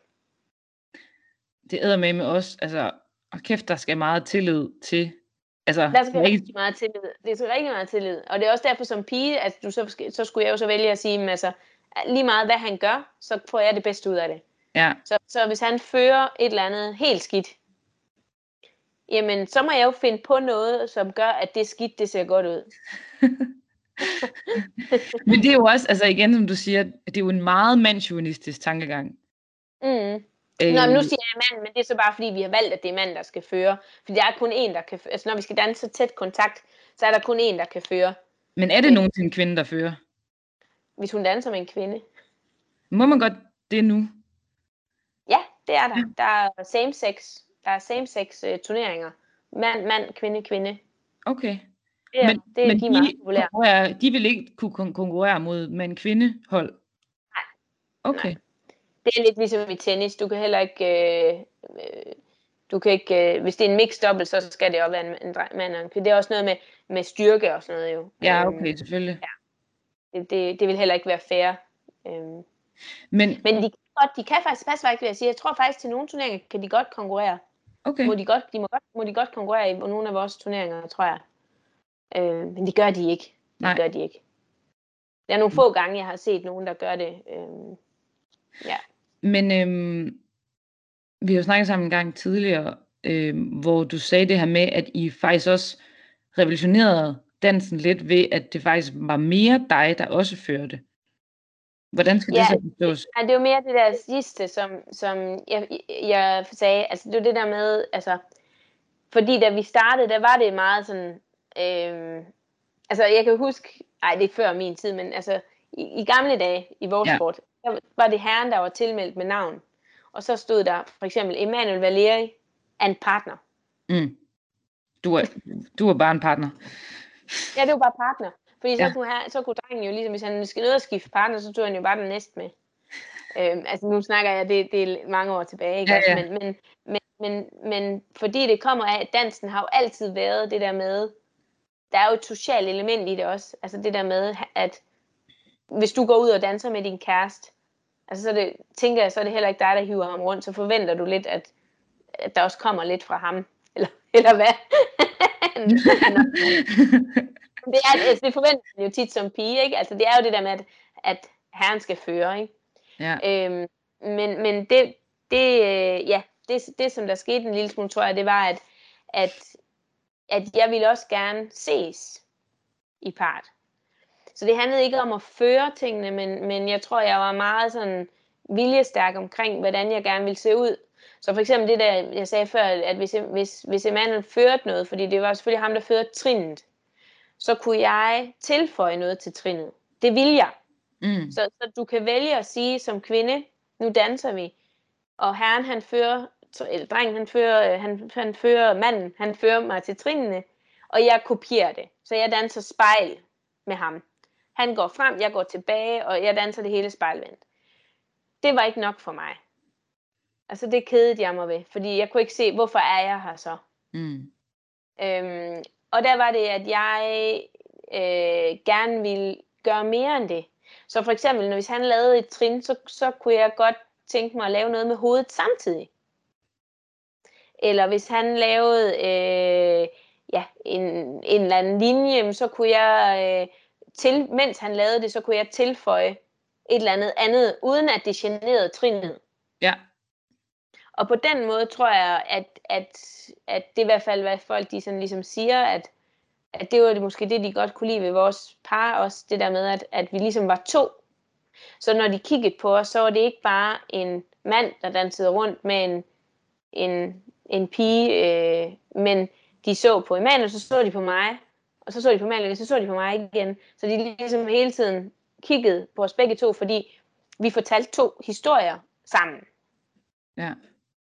Øhm, ja, så det, det, øh, det, det tror jeg også var en, en stor del af det. Og hvordan blev det taget imod? Altså både fra Emanuel og fra danseverdenen?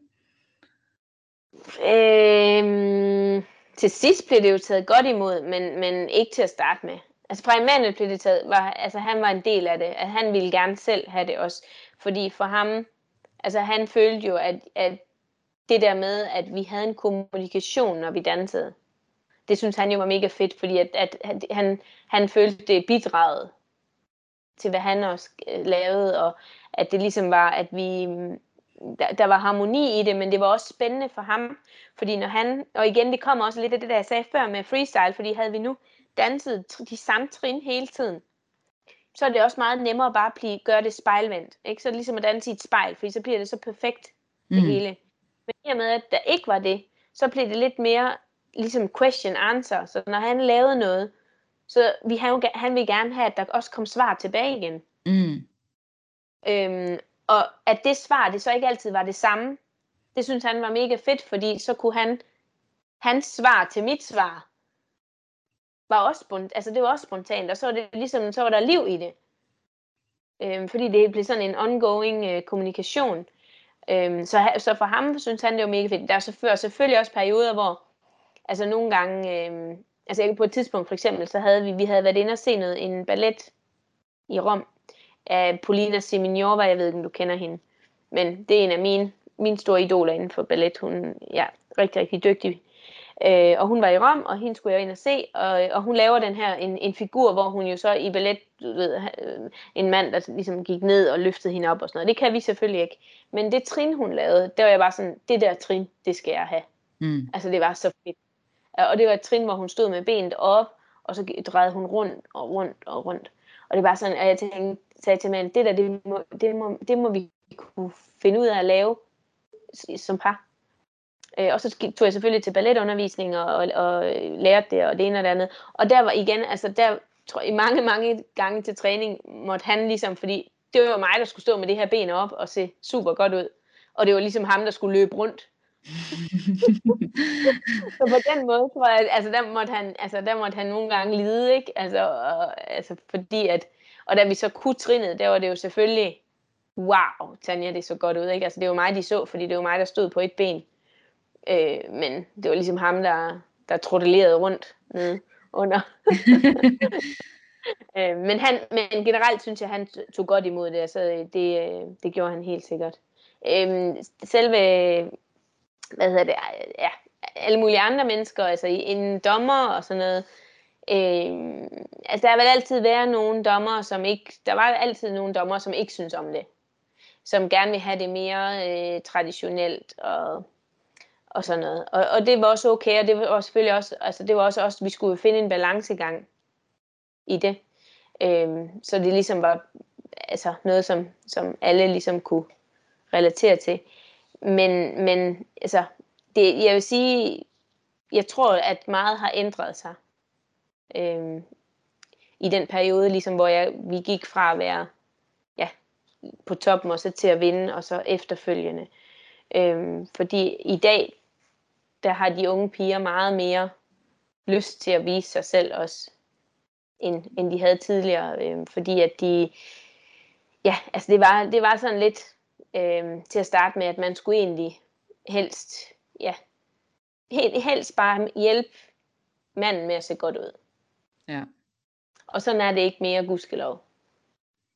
Men det må jo også, altså, du må jo stå og så tænke, det har du faktisk været med til at, at flytte ved en kultur i dansesporten. Øh, som, og kultur er jo det ultimativt sværeste at gøre noget ved.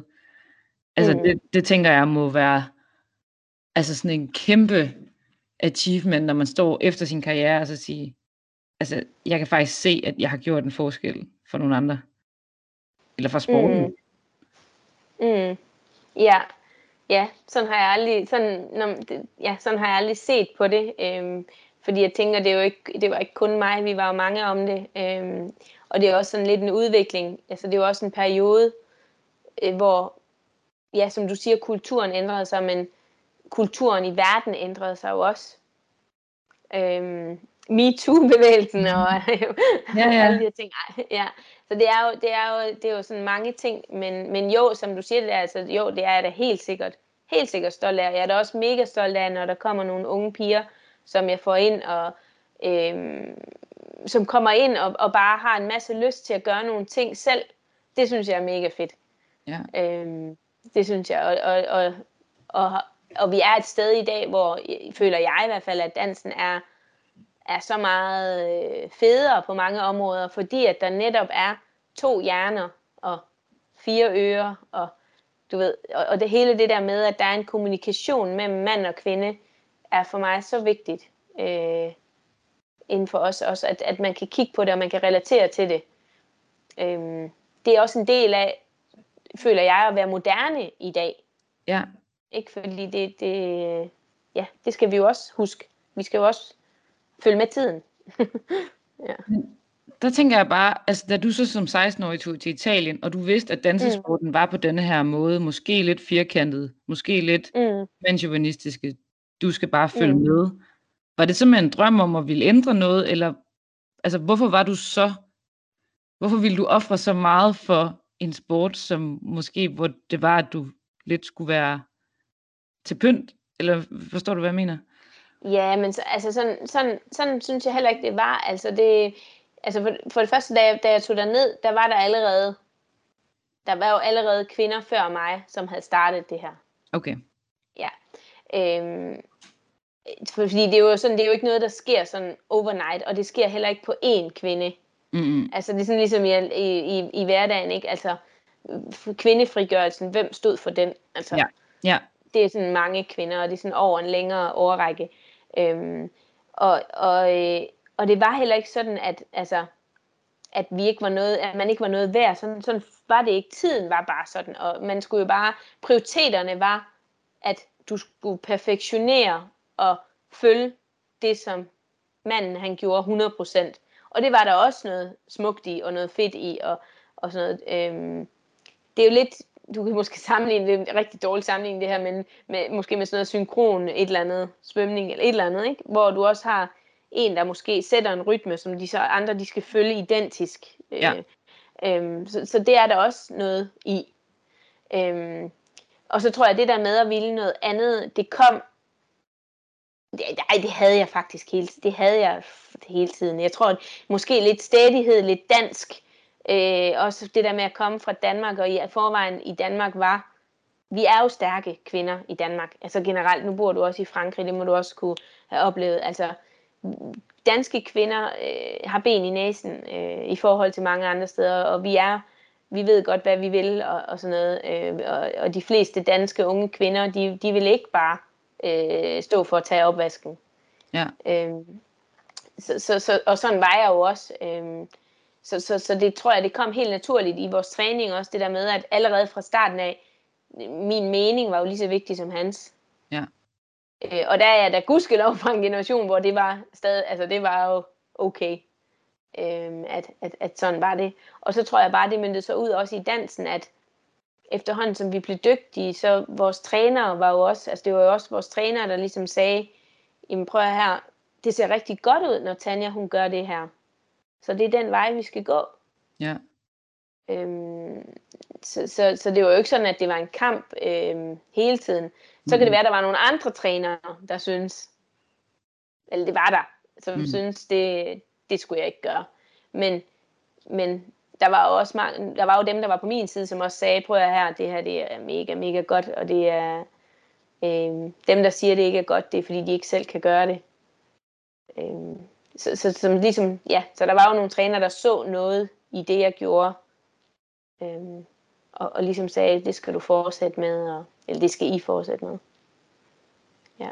Det er fedt. Og også selvom, ja, at du jo ikke har stået alene med det, eller måske ikke har været den første mm. eller noget, så er der jo stadigvæk noget i at være en eller anden form for first mover, og at ja, der er jo nogen, der skal gøre det. Altså sådan, ja, mm. netop, hvad kommer først, høn eller ægget, og, og hvem, hvem tager mm. det, første skridt.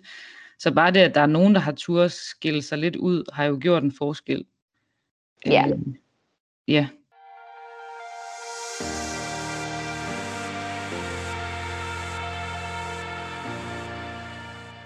Nu når du står efter din karriere, hvad, hvad tænker du mest tilbage på, eller hvad, hvad står klarest for dig i, i din karriere? Altså hvis du skulle, hvis du skulle skrive en, en, en tale til dig selv, sådan, tak for, tak for, tak for alt, tak for den her karriere, hvad vil du, hvad vil du sige? Øh, ja. mm, jamen, øh, altså, vi har altså helt sikkert vores første VM, den står meget, meget klart for mig. Du bliver øhm, nødt til at sende mig et link til den der, altså den op, altså optræden, det vil jeg sindssygt gerne ja. se. ja, det skal jeg nok. Det skal jeg nok. øh, men den står rigtig klart for mig, fordi at, at det kom så meget, altså vi var på det tidspunkt var vi, øh, vi slog den daværende verdensmester, hvilket næsten aldrig sker i vores øh, sport. Og øh, ja, vi forventede det ikke. Altså, så vi var helt ekstremt frie den dag, fordi vi faktisk var sikre på, at vi ikke vandt. Øhm, og så, så det der med, at vi, ja, vi så vinder, og, og ja, det, det tog os jo tre dage, inden vi overhovedet fattede det. Altså, vi var fuldstændig væk. Øhm, det vil du også kunne se, når du, hvis du ser optagelsen. Altså, det var helt, ja, vi var helt på månen. Altså. Øhm, så det er i hvert fald, altså det er noget af det, der står, det tror jeg, det var den største, eller det var det, sådan det største øh, øh, øjeblik, sådan rent resultatmæssigt. Øhm, og ellers udover det, så har vi vi har rigtig, rigtig mange. Altså jeg vil sige, nu snakkede vi om alt det der med, hvor hårdt det var og sådan noget, men noget af det, jeg ser tilbage på også, det er altså, og som jeg savner den dag i dag, det er faktisk alt det der træning også. Altså, øhm, selvfølgelig ikke klok, dem der klokken 3 om natten, men altså det var, det var fedt også. Altså det var, det var øh, det der med at have så meget kontrol over sin krop. Øh, det, det er ubeskriveligt, altså det ved du selv. Det, det, det, øh, det giver en, et sus. Øh, så, så, så der, er ikke, der er ikke så meget, jeg vil ændre på det, på lige nok på det område. Jeg vil nok, hvis jeg kunne gå tilbage i tiden, så ville jeg nok, altså som vi var lidt inde på før, så ville jeg nok øh, sige til mig selv, at, at jeg var god nok lidt tidligere. Øh, og øh, måske tage en enkelt fridag her og der, når man er rejser rundt i verden, og også bare se nogle af de steder, man er. Øh, vi har jo været overalt i hele verden, men tog jo aldrig en fridag, for lige at se, hvor vi var. Mm. Så det er noget af det, jeg vil lave om i dag, og som jeg også vil sige, hvis der er nogle unge, der, der hører det, sådan noget, altså gør det, fordi det gør altså ikke, altså det, det, det sker der altså ikke noget ved. Øhm, og ja, og, som jeg sagde før, så tror jeg faktisk, at vi har gjort os bedre, hvis vi ja. havde, eller, eller jeg tror faktisk, at vi have ja, været bedre hurtigere, hvis vi havde gjort det. Men igen, så er der ikke nogen, der kunne have ændret det for os, fordi det var vores valg. Mm. Men det ville jeg måske lave om, hvis det var. Ja. Hvad med, altså det er måske et lidt privat spørgsmål, og du mm. vil være med at svare, hvis det er. Men øh, for dig Emanuel som par, altså det med at tage hele den sport ud på samme tid, øh, og skulle, altså der er jo nogen, der snakker om det her, sådan, altså, at man lidt får en identitetskrise efter, at man faktisk har stoppet med sin, sin sportslige karriere, og at man lige skal finde sig selv igen, og altså, hvordan har det været for ens forhold også, at skulle gøre det på samme tid, og at have taget sådan en stor del ud af ens, altså ens igangværende forhold ud? Ja, altså det er mega, mega øh, underligt. Øhm, altså gudskelov for os, så skete det øh, øh, sådan lidt graduerligt. Fordi vi stopper med at danse øh, turnering. Altså der, for det første, da vi stopper med at danse turnering, der, det var faktisk Emanuels valg at stoppe. Jeg var ikke helt klar til det okay. på det tidspunkt. Men, men blev det mm. med tiden og, og sådan noget. Øhm, og da vi, vi stopper ved at vinde vores øh, VM øh, for professionelle, det er der, vi stopper. Og det føltes bare rigtigt det hele, fordi det var på dansk grund, det blev holdt, og vores familie var der, og, og, og sådan nogle ting. Men da, da vi så stopper, så fortsætter vi jo med at danse, øh, danse shows. Ja.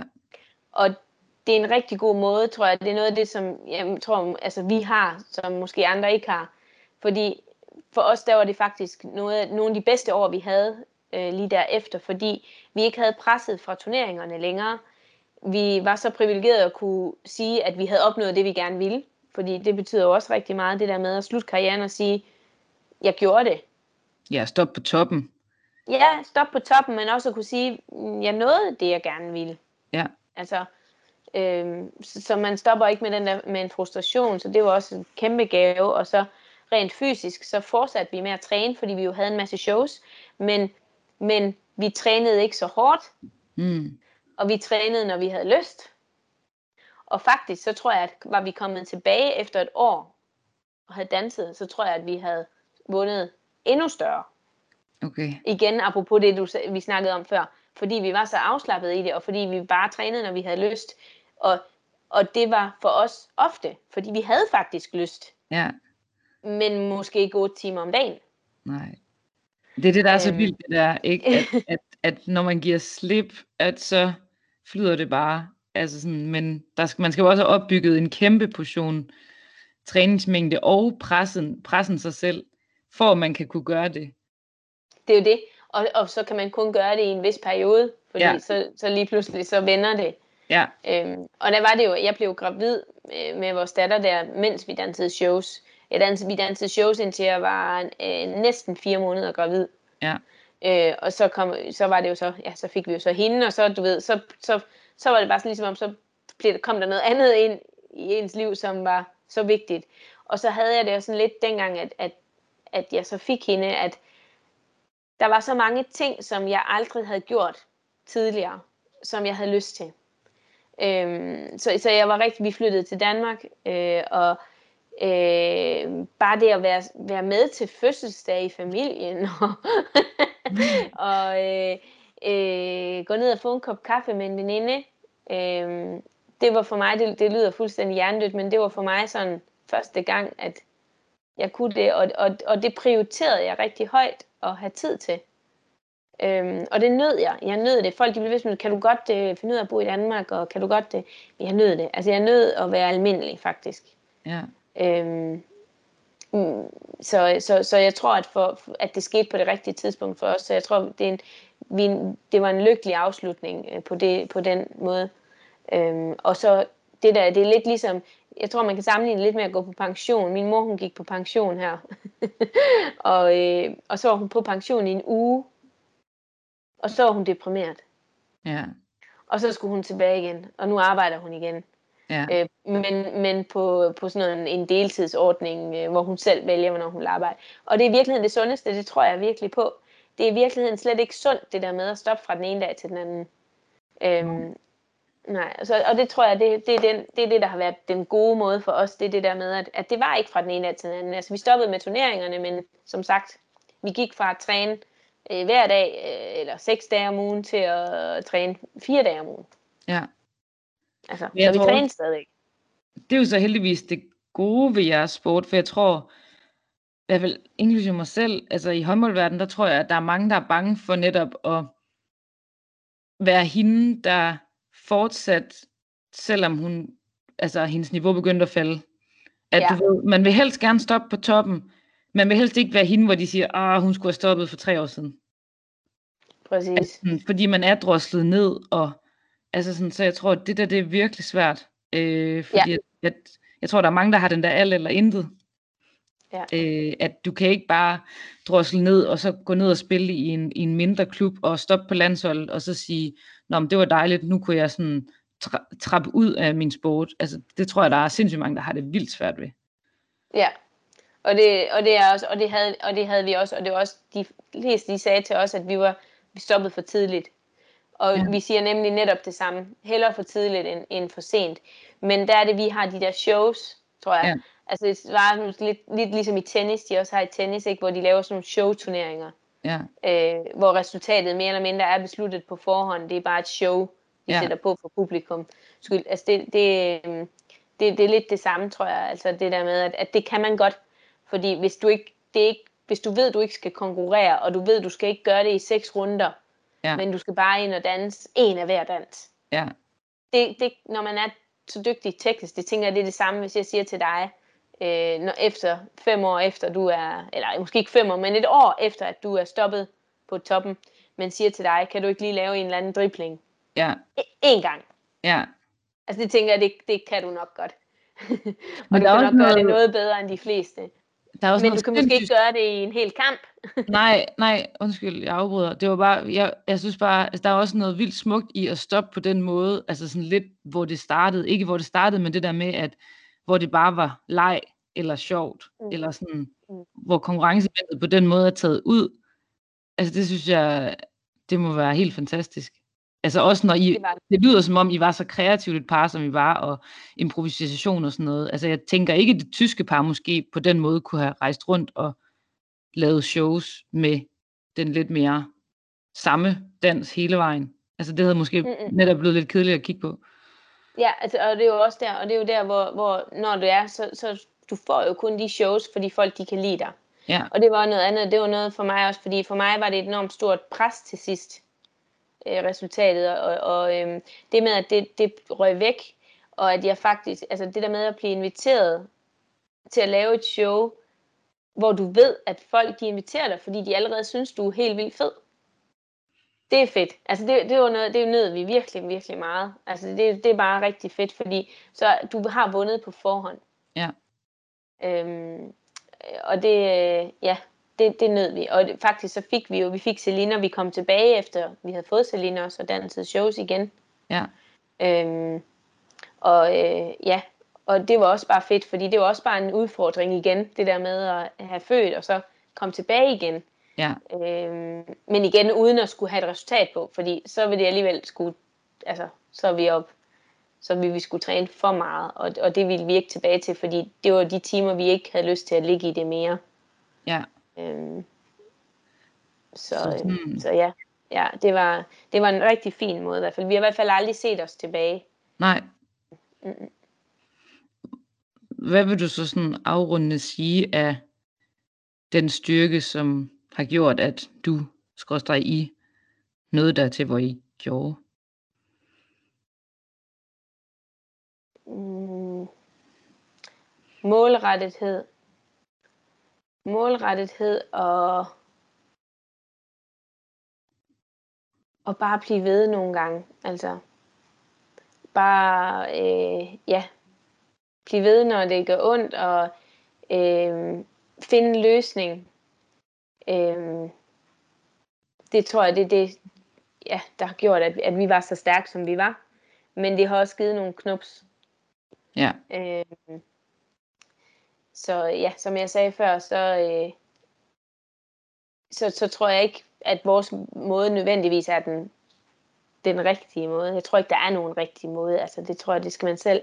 Men jeg vil sige, altså hold fast, hold fast i sig selv, men som sportsudøver, der skal være en vis mængde målrettethed. Der skal være en vis mængde, at, at, at man lige bliver ved lidt længere øhm, end den almindelige øh, hobbydanser. Ja. Øhm, ja, og det, det, det er sådan, det er det, jeg tror, der, altså det er det, som der var ligesom vores, vores styrke. Og så modsat, kan man sige, der kan vi, altså og dem, som lytter til det her også, altså der vil jeg sige, altså vores var lidt, måske lidt for meget. Eller det var det, fordi at, at vi kom også til et punkt jo, hvor, vi, hvor det blev for meget. Mm. Og hvor vi måtte, af- måtte afbalancere det igen. Øhm, men dem, som slet ikke har det, der er det svært. Ja. Ja. Men hvordan kom I over den der, altså, afbalancering, eller hvad skal man sige, altså, Jamen altså, vi kom til, på et tidspunkt, der kom vi, øh, altså, øh, på vores, i vores karriere, efter vi havde vundet øh, VM og sådan noget, der kom vi til et tidspunkt, hvor vi var nødt til at trække stikket fuldstændig. Ja. Fuldstændig. Øh, simpelthen med stress. Altså, det var simpelthen for meget.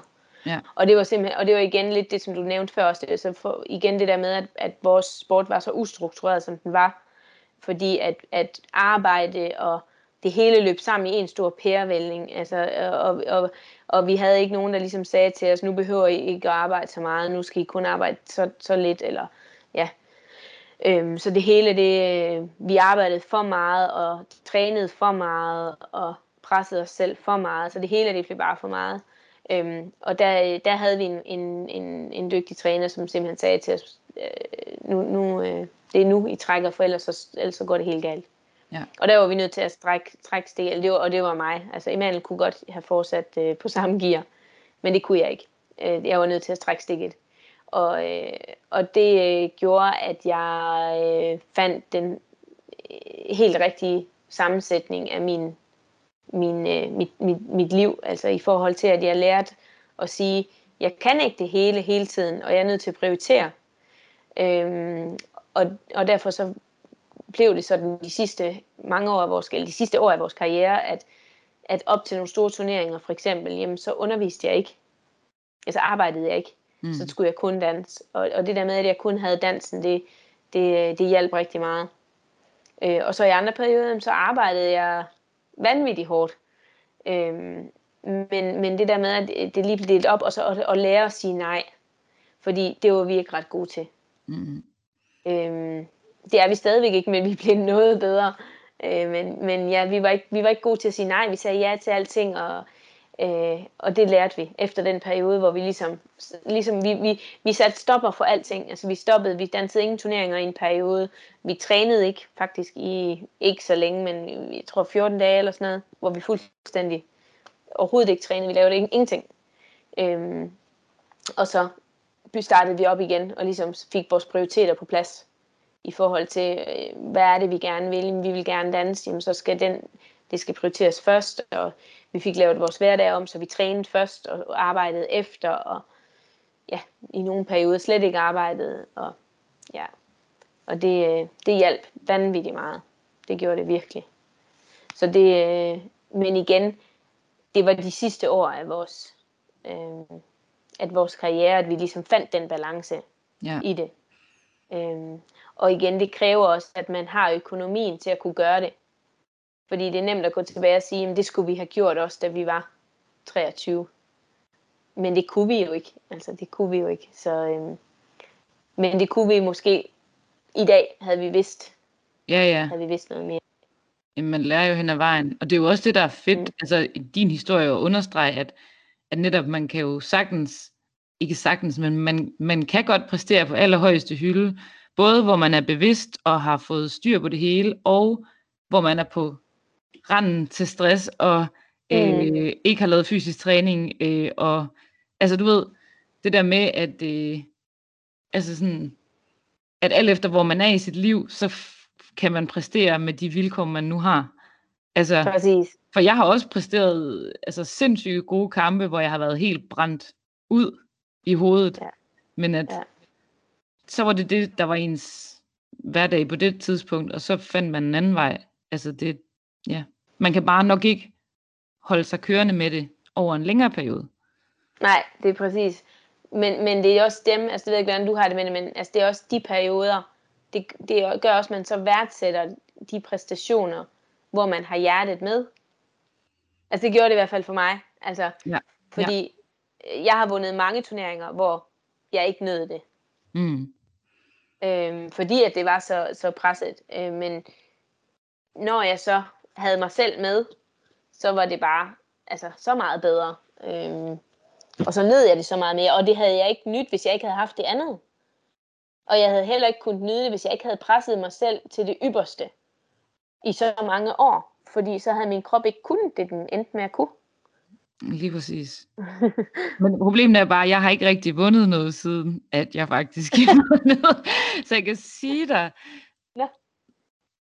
når hvis det kommer. jeg forhåbentlig vinder det franske mesterskab på et tidspunkt, eller får en medalje med det danske landshold, så sætter jeg mig ned og tuder, og er så ja. taknemmelig for alt det, som, som jeg har slæbt mig selv igennem. ja. Og det skal nok komme, og det skal nok komme. Det gør det, altså det tror jeg virkelig på. Det, det kommer. Det kommer, og det er også det, man bare skal huske, ikke? Altså, når man er i det. Altså, når man er i det, så skal det der med, altså bare fokusere på det, det som I også, ikke? Altså, fokusere på nuet, og så tro på, altså den der tro på, det, at det skal nok komme. Ja. det synes jeg er den perfekte måde at slutte den her mm. episode på, Tanja. Tusind tak. Du er så mega inspirerende og mega sej, og i lige måde. ja, jeg har fandme nyt at snakke med dig. Øhm, ja, tak. det var så lidt. Tak fordi jeg måtte være med.